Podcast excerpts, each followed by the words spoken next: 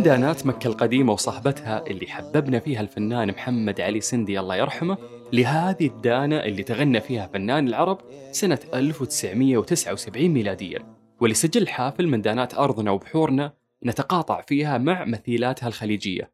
لكن لداناتنا بكل جيل بصمة تشبهنا حنا وتميزنا. سواء تغنت للمحبوبة البعيدة أو لليل اللي ناشد سمارة إنه يعجل بحضوره.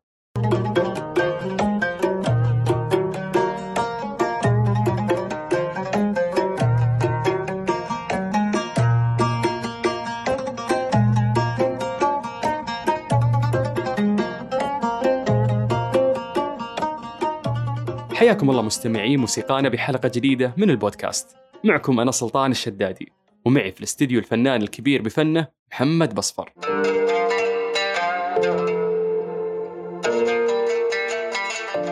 كنا استعرضنا سابقا المفتاح الموسيقي وهو أحد أهم مكونين تحتاجهم في تعلم الموسيقى.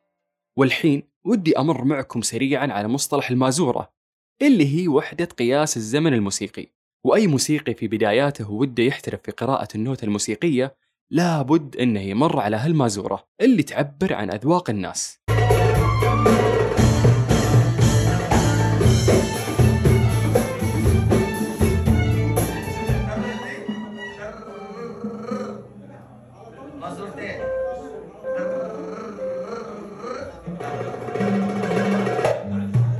للمازورة في الموسيقى ثلاثة أنواع.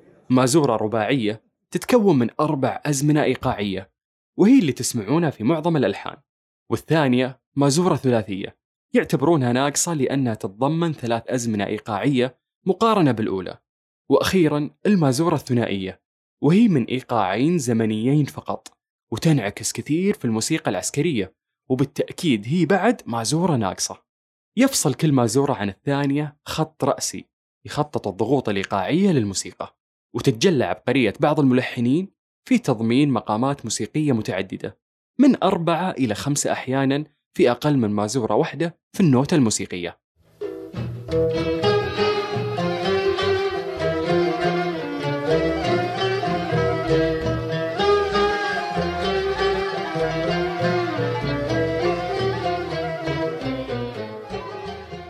محظوظين إحنا اليوم بتواجد موسيقي مميز على مستوى الفن السعودي وفنان رايق يحرص في كل إيقاعاته وأعماله انه يمتع الأسماع.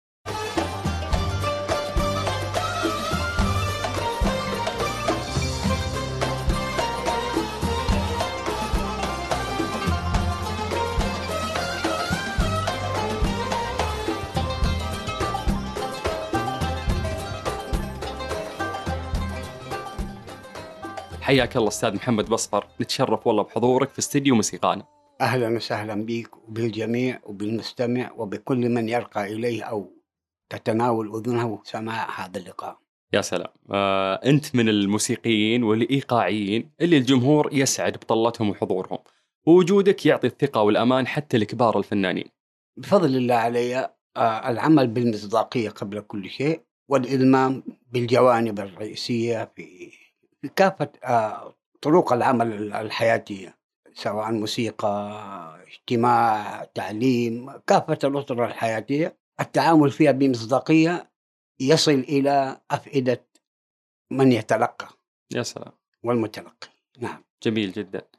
المازورة هذه جزئية من جملة موسيقية. بمعنى هنالك جملة موسيقية سواء لحنية أو فتكون مكونة من طبعا الموازير آه، موسيقيا لازم تكون مزدوجة ما في مفردة إلا في الغناء أو في المزيكا الفالت زي ما يقولوا إلا هو بدون بدون ضغوط بدون إيقاعات فالمازورة هذه جزئية من جملة ال- ال- اللحن ولو كان بسيط جدا يعني ما يتعدى أربع موازير ما يتعدى ستة موازير ما يتعدى ثمانية موازير فالمازورة جزئية من جملة موسيقية. هذا يعني تفسير علمي لها تفسير العلمي لها ممتاز. يعني أنا حبيت أسمعها منك أكثر يعني عشان تت... يعني توضح لنا الفكرة. ولكن في نفس الوقت وأنا أسمع قاعد تتكلم عن المازورة تذكرت مقطع انتشر يعني في أحد مواقع التواصل الاجتماعي وهو للفنان محمد عبدو أبو نورة. الله يمسيه بالخير. وهو قاعد يقول مازورتين بس. هذا هذا الكلام كان موجه لك؟ اي مازور السكتة يعني. لأنه أحيانا يكون في مغنى في سكوت. فالسكوت أحيانا يكون مازورة أو مازورتين. دم تك إس إس شوف إس هذه عن جزئية والإس الثانية الجزئية الثانية. فمازورتين غير والإسات غير وهذه كلها طبعا آه، معلومة آه، يعني أكاديمية آه، موسيقية أكاديمية. ال- ال- ال- ال- المازورة طبعا بتكون جزئية من جملة قلت لك غنائية أو أو أغنية أو. ممتاز. عظيم يا أبو عبد الله. لو بنتكلم عن الدانات السعودية اللي خصصنا لها هذه الحلقة عشان نعطيها التركيز اللي تستحقه. حدثنا عنها من خبرتك آه بإيقاعاتها وألحانها والتطور التاريخي اللي مرت عليه وواكبته أنت فنيا. حديثنا عن الدانة هي في الأصل لمكة المكرمة. أنشئت الدانة أو استحدثت أو ابتكرت الدانة بمعنى أصح قبل 600 سنة. يرجع الفضل لله ثم لرجل اسمه يمن البيتي. من بيت البيتي من سكان مكة هذا الكلام قبل 600 سنة مهم. وأكثر. فهو من ابتكر الدان. الدان من الدندنة. فيقول لك يعني بتجد يعني في تكون منصهر في عمل ومشغول. وأنت بتحس نفسك غير ما تهنهن تدندن. الهنهنة تكون داخلية والدندنة تكون مسموعة. بيسمعها اللي جنبك ولا خلفك ولا أمامك. أما الهنهنه تبقى إيش؟ داخلية يا دوبك حتى يا دوبك تسمعها أنت بنفسك. فكلمة الدان منها اشتقت الدانة. لأنه يبدأوها بدان دان دانا يدي لدانا دانا. فالدان دانا على وجه الخصوص دانتنا السعودية. طبعا هي في من مكة منبعها من قلت لك من رجل يدعى يمن البيتي عشان كده يقول لك دانا يماني نسبة إلى الرجل ومسماه اسمه يمن البيتي. فيقول لك الدان اليماني نسبة لاسم الرجل. هذا الكلام قلت لك وعيدها قبل أكثر من 300 600 سنة. ممتاز. من ما بروحي ومن ما شافت العين العشية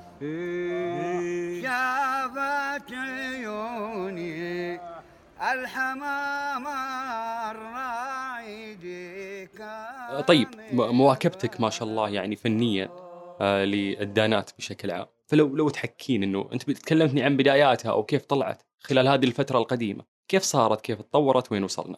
حقيقة الدانة من أول يعني في الزمن الرعيل الأول رعيل الأجداد والآباء لم يأنسوا لل- للغناء الحالي.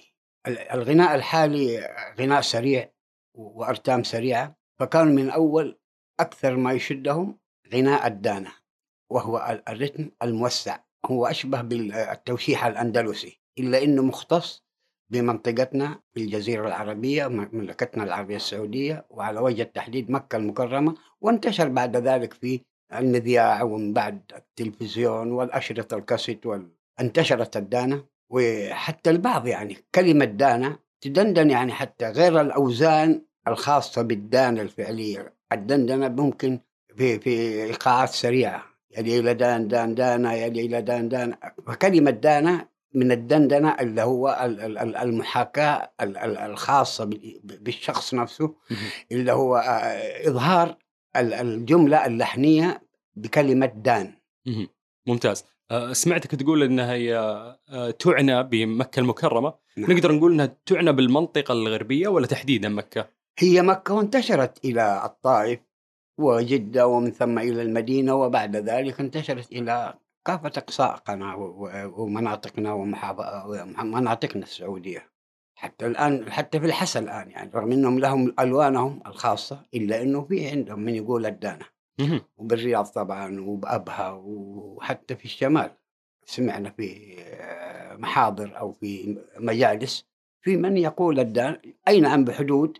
يعني آه، تقدر تقول ليس بالاحترافية ولكن لل آه، بمعرفة آه، م- مبسطة ووجيزة لأنه لهم فنونهم في كل في كل المناطق نجد في الوسطى لهم السامري لكن بيقولوا الدانة. وفي زي ما قلت لك في الجنوب عندنا في في أبها أو في الخميس أو في نجران أو في جيزان بيقولوا الدانة بس بطريقتهم إلا إنه الضغوط الفعلية للدانة طبعا منبثقة قلت لك من مكة المكرمة. ممتاز. طيب أبو عبد الله بحكم إنك من المنطقة الغربية أهل الدانة والصهبة وقطعا الحديث في هذا الموضوع متشعب وكثير. لكن وين تحب تسلط الضوء اليوم؟ بخصوص الدانات اللي تتميز فيها هذه المنطقة. تتميز منطقة مكة المكرمة وعلى وجه التحديد مدينة مكة المكرمة بالدانة ويأتي بعدها بالدرجة الثانية الطائف. ليه؟ لأنه أهل مكة كانوا يطلعوا للاصطياف وينقلوا فنونهم. طبيعة الحال الحاضرة في مكة بحكم أنه يفد إليها من أقصاق الدنيا. فيأتوا بثقافاتهم المغربي من الغرب أو التركي أو اليمني أو الشرقي أو من كافة أقصاق الدنيا. يأتوا حتى ليس بفنون فقط فنون الطبخ العادات التقاليد الأساليب النمط تجد ابن مكة يجيد كذا لغة بحكم وفود التصاقه الت- بالحجيج. والثقافات المختلفة والثقافات ال- المعايشة أو ال- ال- ال- الوافدة إلى المنطقة. فيستقي منهم إن كان فن ال- ال- الغناء أو فن الطبخ حتى الطبخ أو فن ال- ال- السلوكيات أو في أطر حتى الاجتماعية تتدخل فيها ال- ال- الناحية هذه.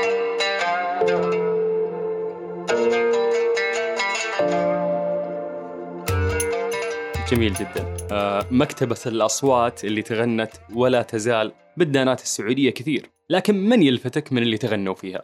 من القدم طبعا حسب ما عايشت المرحوم له بإذن الله والمغفور لهما العم محمد باجودة أبو الدكتور حسن باجودة ترى. العم محمد باجودة والعم علي شيخ. أيضا آه، عم محمد علي سندي آه، يجيد الدانة إلا أنه دخل في مضمار الدانة بعد بداية التلفزيون وال- والإذاعة لأنه كان يغني الغناء الشرقي عامة. بلاش نحدد مصري أو شامي كان يغني الغناء الشرقي. إلا أنه تعلق بالدانة وهو بحكم أنه من أبناء مكة إلا أنه إقامته الفعلية بجدة فبدأ وهو من أظهرها إعلاميا حقيقة يعني على مستوى ال- الإذاعة ومن بعد التلفزيون وأتى بعده أتت بعده آه، أجيال وأجيال إلا أنه في في في جيله كان العم علي شيخ قلت لك والعم محمد باجودة إي عطني بعد استمرار الأجيال بعد مين فيه؟ في قبلهم عم إسماعيل كردوس عم حسن جاوة. آه، هو مو جاوة بس لقبوه بالجاوة اللي هو أصلا من أهالي مكة فعليين فمكة موطن الدانة. إيقاعها رتيب. أخذ من إيقاع مسبق يقال له العدني. طبعا الإيقاعات من الجزيرة العربية. إلا إنه كان إيقاع سريع. الدانة قلت لك الكلام هذا من آه، قبل اللي هو يمن البيتي. رتم العدني بطئوا دم دم تك دم دم تك دم دم تك دم دم تت تت دم دم.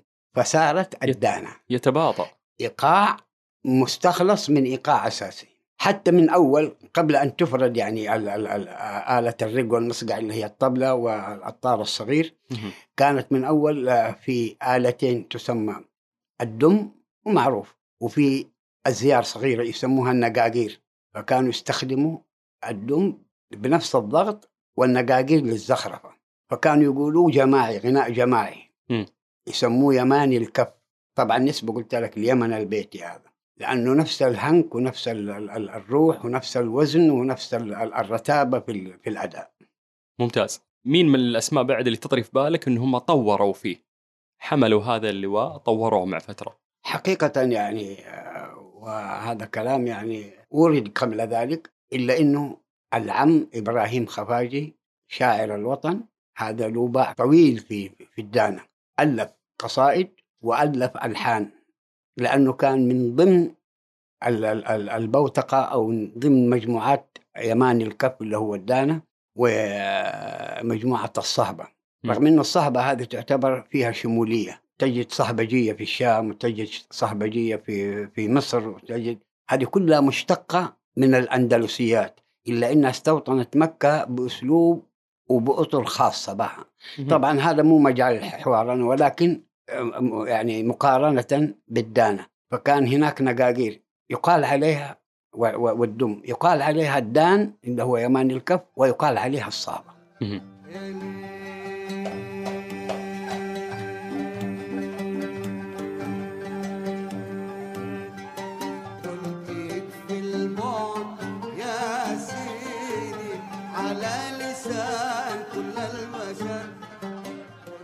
طيب أبو عبد الله يعني آه، بالأوساط الفنية أنت معروف بقربك من الناس وقوتك كفنان ايقاعي ومن ناحية قربك من الناس هذا الشيء لمسته أنا حتى فيك.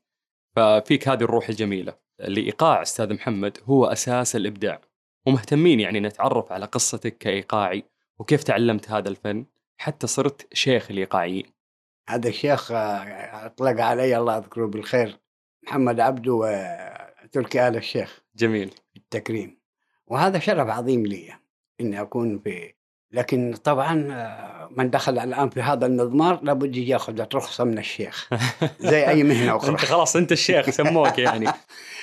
عموما بالنسبة لي آه، بداياتي أعشق الفن. الوالد رحمة الله عليه الله كان الدوام شفتين شفت صباحي وشفت مسائي بعد بعد صلاة العصر. ففي الفترة هذه من بين صلاة الظهر وصلاة العصر فيما يجهز آه، وجبة الغداء فيسمع لأشرطة أيام الريل يقعد يستأنس ويسمع أحيانا الراديو الأخبار ويغلق منه يبقى عنده جزئية فيلجأ إلى الأشرطة فأجي أنا أتسمع وأتسمع وأحيانا أستعين حتى بأغطية الأجهزة كانت الأجهزة بأغطية وبكذا فأستعين بها وأنقر عليها على الأغطية هذه حتى ينزعج الوالد رحمة الله عليه يقول لي أنا أسمعك ولا أسمع التسجيل؟ فمن هنا بدأت الموهبة. م- أبو عبد الله يعني كنت تمشي على الايقاع يوم إنك على قولتك تنقر على هذه أيوة ال... أمشي أحاول. طلب كله في المنطقة الغربية في البيوت في الدواوين أيام ما كانت الدواوين. فتجد يعني في في كل مكان حتى راعي المحل. يكون عنده دكان تجد على الكرسي. ما, ما بالكراسي المعتادة كان صندوق الشاي ويقعد يطنقر عليه أو يدق عليه يعزف عليه ويغني طالما ما عنده زباين. فكنت تزعج الوالد فكنت ايقاع إيه لأنه هو بيسمع. وأنا أحاول أقلد التواقيع انعكست الآية بعد ما كان ينزعج يجي يقول لي يا أبوي سمعني أنت بتسمع الناس ما تسمع أبوك؟ قلت له الله يا أبوي. بعد ما كنت من أول تنزعج مني الآن. الفضل قلت لله ثم لك أنت ولا السماع اللي كنت اسمعه عندك؟ لأنه. كان سماع راقي والمغنى اللي كان يسمعه يعني كان غناء راقي اللي قلت لك حسن جاوة لاسماعيل كردوس لسيد عبد الرحمن مؤذن أسماء أسماء كثيرة. ثم جاء بعدها محمد علي سندي ثم بعدهم أتى جيل محمد أماني اللي حمل عاتقه على. عاتقه الدانة والحفاظ عليه رحمة الله عليه. رحمة الله عليه. وفي أسماء أخرى طبعا لكن يعني نحن نختصر ونقتضب الأسماء اللامعة واللي تكون في الصورة دائما. كمل لي القصة حقتك لأن هي قصة جميلة. فأنت قلت لي إنه كنت تسمع الايقاعات أيام ما كان الوالد رحمة الله عليه يستمع إلى الراديو أو بعض ال- ال- الأشرطة اللي موجودة عنده. بعدها وين تطور الموضوع؟ وين رحت؟ في جملة أصدقائنا أبناء الحاره زي ما يقولوا. نجتمع مع بعض ونغني. وكنت أعدل عليهم لا مو كذا هذا الايقاع كذا. طبعا من غير مسميات. آه، شيخ من أيامك أنت. من غير مسميات. ما أعرف المسميات لكن أطبق لهم عملي. إيقاع الأغنية الفلانية ترى كذا. سماعي يا أبو عبد الله. بالسماع. وتطورت ال- ال- صرت أناشد وأسأل المطربين ال- ال- المحليين زي على سبيل المثال الله يرحمه أسعد حربي كان عندنا في الحي. وأسماء والله ما تحضرني الآن لكن في أسماء كثيرة فكنت أسألهم مسميات كذا وكذا ثم أتى بعدها برنامج وتر سمر وقبله طبعا إحنا دخلنا في معية الأخ علي عبد الكريم وطلال وشاركناهم في مناسبات إلا إنه جاء آه، طبعا برنامج وتر سمر هذا الحقيقة من البرامج الوثائقية وثق إيقاعاتنا وثق ألواننا التراثية. وعلى وعلى سبيل التحديد وليس الإجمال وثق الدانا ما في حلقة إلا لابد فيها دانا. في برنامج وتر وسمر. أي حلقة تسجل لازم يكون فيها دانا لا لشيء إلا لأنها كانت مبهمة. وكانت يعني آه، يعني أقدر أقول لك آه، سماعينا سماعيها قليل جدا. من الفترة هذيك الناس تبغى الإيقاعات الحركية بينما الدان أو الدانة إيقاعها رتيب حتى له لعب أو رقصة خاصة يعرفوها فئة معينة من الناس. إلا إنه ال- الإيقاعات السريعة هذه طبعا والآن تغير الوضع. جميل. طيب أبو عبد الله وأنت قاعد تسولف قبل شوي آه، أثناء حديثك ذكرت إنه بعض ال- الزملاء أو الرفقة أو الناس اللي تقاطعت معاهم فخلني آخذك تحديدا للطايف. تقدر تصور لنا الخلفية الثقافية والفنية وقتها بمدينة الطايف والجيل اللي بدأ معك وعاش هذه الانطلاقة كتوثيق لمرحلة زمنية من موسيقانا؟ لا زالت يعني حقيقة آه، أطر التواصل. وفي أتذكر على سبيل المثال للحصر الأستاذ هاشم جفري الآن بجتمع معه هنا في جدة. على اعتبار أنه حوارنا الآن في جدة آه، بتواصل معه بتواجه ونلتقي في صوالين فنية وفي طبعا لا يحضرني يعني ال- ال- ال- ال- ال- الأسماء الآن لأنه أغل- الأغلبية اتجه ود- وترك هوايته الغنائية. ولا من أول كان في كل حي يعني أقدر أقول لك الطائف يعني يعتبر منبع للفن. بينما يعني اتضحت الرؤية برؤيتنا الأخيرة يعني في رؤية طويل العمر إنه آه، الفن هذا يعني من أطر من الأطر ومن الأساليب الحضارية التي تنم وتعطي ش- شخصية من يعطي. ففنوننا تنم عن شخص شخصيتنا. كأي فن من الفنون سواء فن تشكيلي فن غنائي فن آه، اجتماعي فن آه، أدبي في كافة الأطر الفنية. كانت في الطائف طبعا مجالس وصوالين إلا إنها كانت يعني شبه مغلقة بحيث أنه الأصوات لا تظهر ولا تطلع عليه لأنه كان يعاب على المغني. تعرف ال- ال- الناحية القبلية وال- والطائف آه، معظمهم آه، من ال- الفئات القبلية. باستثناء مكة مع احترامنا لأهلها إلا هم طبعا فيها الحاضرة وفيهم المتحضرين بحكم اختلاطهم بكافة الفئات. إلا أن الطائف كان منحصر في الفئات القبلية فيعاب على من يغني. فكانت صواليننا مغلقة رغم أنه فيه آه، على سبيل المثال الله يرحمه يوسف رجب كان ال- الأستاذ عبد الله مرشدي كان الأستاذ يوسف محمد كان داود هارون هذا أستاذ محمد سراج. ومحمد سراج الله يرحمه ثم ثم ظهر الأخ محمد توعلي فيما بعد وسمير شامي الله يرحمهم جميعا. هذول في منهم من توفى وفي منهم من بقي على قيد الحياة. جميل جدا.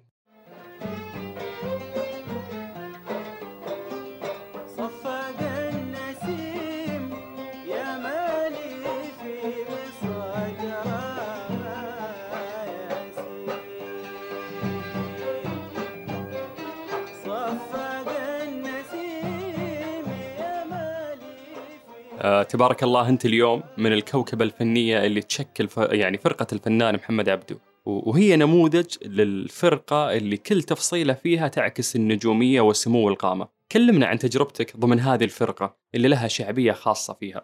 طبعا أبو عبد الرحمن أبو نور بمعنى آخر وبمسماه الشخصي أستاذنا الدكتور محمد عبده هذا يعني فيه من الإخاء ومن الحميمية شيء لا ما يتصور إلا من تعايش مع الرجل هذا.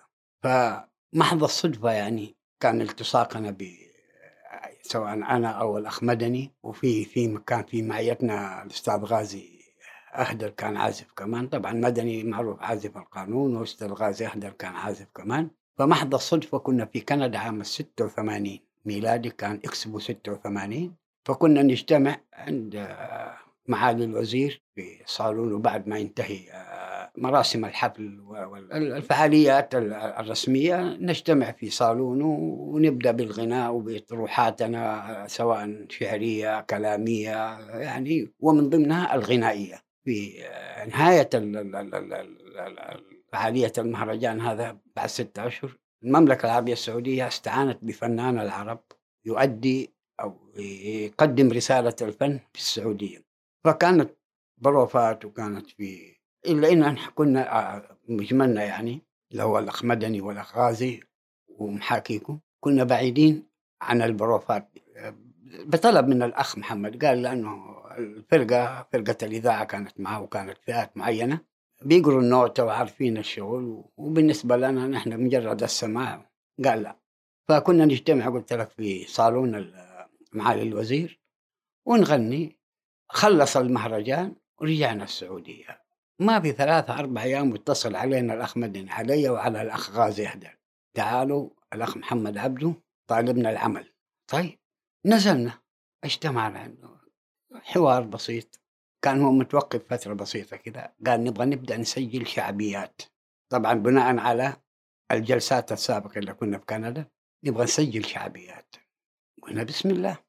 وبدأنا الشعبيات وبدأنا الالتصاق بالأخ محمد عبده ومنها إلى يومك هذا ونحن في معية الأستاذ محمد. فهذه القصة الجميلة اللي أنت حكيتها هي يعني خلينا نقول بداية تكوين الفرقة. بداية تكوين الفرقة الخاصة كانت عنده فرقته الخاصة إلا إنه بعد انقطاع فحب يجدد فرقته وفعلا طبعا منهم من هرم في سنه وكبر ومنهم من توفى. فاستعان بمدني قانون وغازي أهدى الكمان والآن طورت الفرقة صارت فيها مجموعة من الشباب وعلى رأسهم طبعا الأخ عمر شلاح هذا رفيق درب الأخ محمد عبدو من بداياته. ثم التصقنا في معيتي وبقت الفرقة الشعبية الخاصة أو الفرقة الخاصة بلاش نقول شعبية الفرقة الخاصة للمناسبات الخاصة ولل آه، اللي هي الأسماء اللي ذكرتها لك. جميل جدا.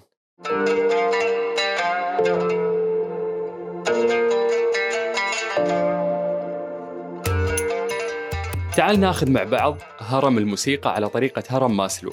وش هي الأساسيات اللي ضروري إنها تشبع حتى تبني فنان متكامل وشامل من وجهة نظرك؟ من القاعدة إلى القمة هنا طبعا لابد لكي تكون أو توجد موسيقي إلمامه أولا باللغة. والمفردة والمعنى. ثانيا إلمامه بلاش نقول إلمامه أكاديميا بالموسيقى لا ولكن إلمامه بجزئيات من الموسيقى أو تذوقه للجمل الموسيقية لكي يكون فنان. وتميزه أيضا بالنقد إنه هذه كيف جات وهذه فين وصلت وكيف طلع وكيف نزل وكيف وكيف وكيف. هذه الجملة كم مازوره فيها زي ما تفضلت. الجملة هذه آه، إيش إيقاعها؟ ال- الأوزان يعني لابد معلومات بدائية لكي أخلق أو أوجد الخلق لله سبحانه وتعالى. لكي أوجد فنان لابد من المامه المام تام بقواعد ال- الموسيقى. كقواعد اللغة اللغة العربية لها قواعدها اللغة الإنجليزية لها قواعدها ال- الفن الغنائي الفن الأدبي كل شيء له قاعدته. فتبدأ من القاعدة والقاعدة هي المفردة لأنه مجمل المغنى أو عناصر المغنى كلمة ولحن يتوجها الأداء. كلمة ولحن وأداء. إن لم تكن كلمة إن لم تكن كلمة لم يكن لحن وإن لم يكن لحن وكلمة لم يكن هناك غناء وأداء. جميل جدا. سألتك هذا السؤال لأن ما شاء الله رغم أنك ضمن فرقة كبيرة وهي فرقة فنان العرب إلى أنك نجم في مجالك يتشوق الجمهور لك ويطلبونك للمشورة الفنية وهكذا. نفس الشيء مع العازفين المميزين اللي استضفنا بعضهم في حلقات البودكاست على المستوى الفردي. وهذا هو التميز اللي ياخذ الموسيقي والإيقاعي إلى أبعاد جديدة. إلى جانب إنك تكون فنان أو إيقاعي على وجه الخصوص لابد يكون عندك ثقافة عامة عن الموسيقى. يعني كون إنك إيقاعي لا يعني بالتالي إنك تتجاهل المقامات تتجاهل الأوزان. تتجاهل ال- ال- ال- المفردات الموسيقية ماذا تعني الكلمة الفلانية وماذا يعني الرمز الفلاني و ولو إنها يعني تأخذها إجمالا وليس تفصيلا. فبالنسبة لي أنا أنا اهتميت بالمقامات بقدر ما اهتميت بالأوزان الموسيقية. الأوزان الإيقاعية قصدي. فالمقام مهم جدا. المقام اللي هو طبعا آه، الجملة اللحنية. اللي ينقال منها المجس والموال. عندنا ال- ال- ال- المجس تختص المنطقة الغربية. كلمة مجس أتت من جس النبض. لكي يبدأ المغني بطرح الدور فلا بد أن يجس السميعة أو من يستمع له. فيجسهم كيف؟ يعطيهم المجس اللي هو منبثق أو شبيها بالموال. الموال بينقال فيه يا ليل في مصر وفي الشام وفي بينما في آه، بعض بعض الشام أو الشوام يقول لك أمان أمان وفي تركيا في آه، أمال أمال في في العراق. نحن يا ليل في المصريين أو الشوام العالم العربي أو الشرقي بصفة عامة. لكن عندنا المنطقة الغربية يالال اليالال يالال من من الملالاه أو ال- ال- ال- التغريد. فيقولوا لا لا يقولوا ليل ولا حد يزيدها إلا أبناء المنطقة آه، الغربية. كلنا يقول حتى في في جزيرتنا أو في مملكتنا كلهم يقول لك يا ليل. لكن على منطقة آه، المنطقة الغربية وعلى وجه التحديد لما تكون ال- ال- ال- ال- الفقرة شعبية. يا لال يأتي الغناء في مجال الصحبة يا ليل. لكن الدانة والغناء ال- ال- ال- الخاص بنا كمنطقة كمنطقة غربية. المجس ويأتي بعد الدور سواء دانا أو أغنية سريعة أو أغنية خفيفة. جميل جدا. آه هذا بيأخذني لفلسفتك الفنية أستاذ محمد بجانب أنك إيقاعي ملهم أنت رفيع الذائقة. تحب أعمالك أنك تمزج ما بين الحس التراثي وفي نفس الوقت يعني متواكب مع الإيقاع المعاصر. كل شيء له تطوير. كل شيء له تطوير. المبنى.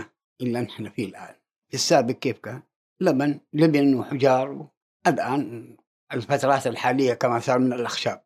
فالتطوير في في كل الأطر الحياتية حتى في السلوكيات فمن ضمنها المغنى. لازم يتطور ولازم البصمة المحلية والبصمة التراثية إلا إنها بأسلوبها الحديث المطور الذي يرقى لأذن المستمع والمتلقي. جميل جدا.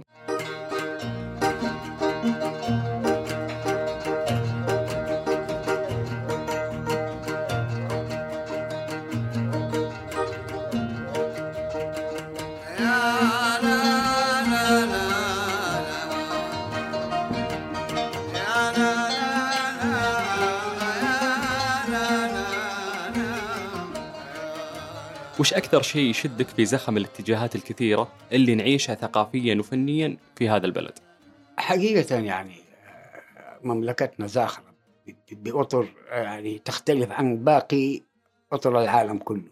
استقبال الضيف وكرم الضيف والحميمية والإخاء. فمن هنا التلقي خلينا نحصل في موضوع الغناء آه، لا تبخل على أحد بمعرفة أو بمعلومة سواء معلومة عامة أو معلومة منحصرة في مجال الفن من يسألك أعطيه إذا كان عندك الإلمام والمعرفة والمرجعية فلا تبخل أنت من الناس والناس منك. الناس حياة الناس زي ما يقولوا.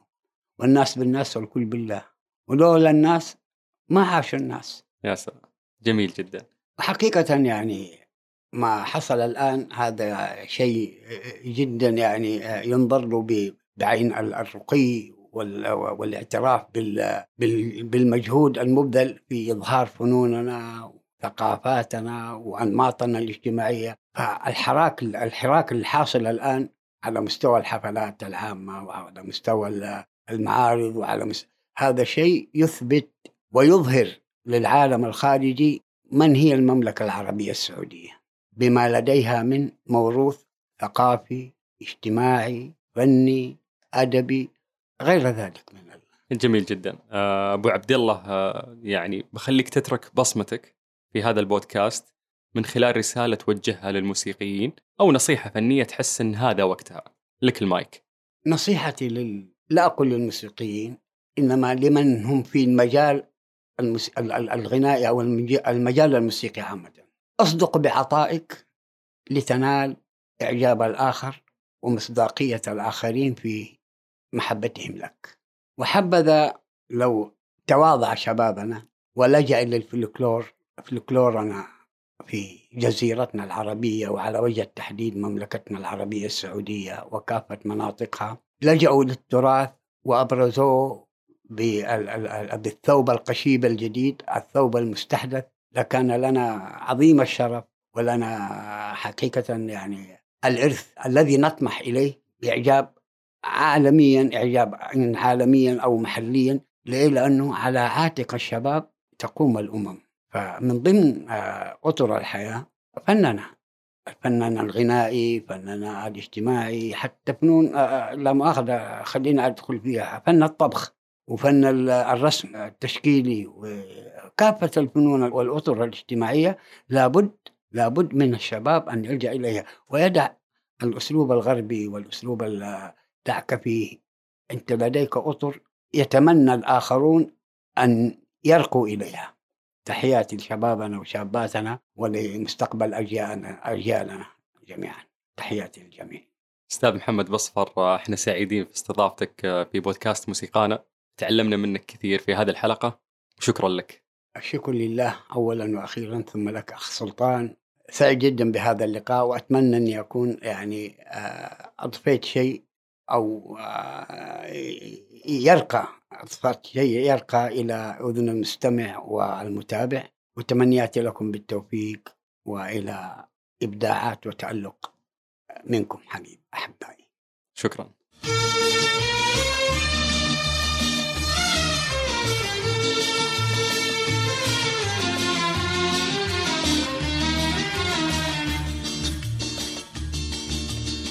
الجانب النظري والمعرفي مهم جدا في تعلم الموسيقى.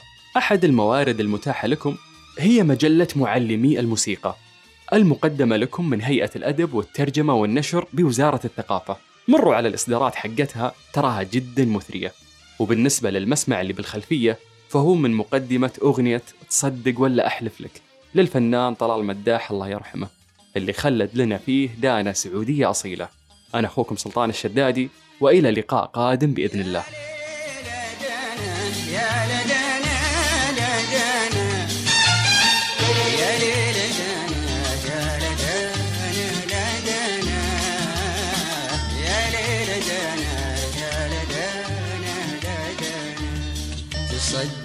ولا أحلف لك عجزت بلساني أوصف لك. تصدق ولا أحلف لك عجزت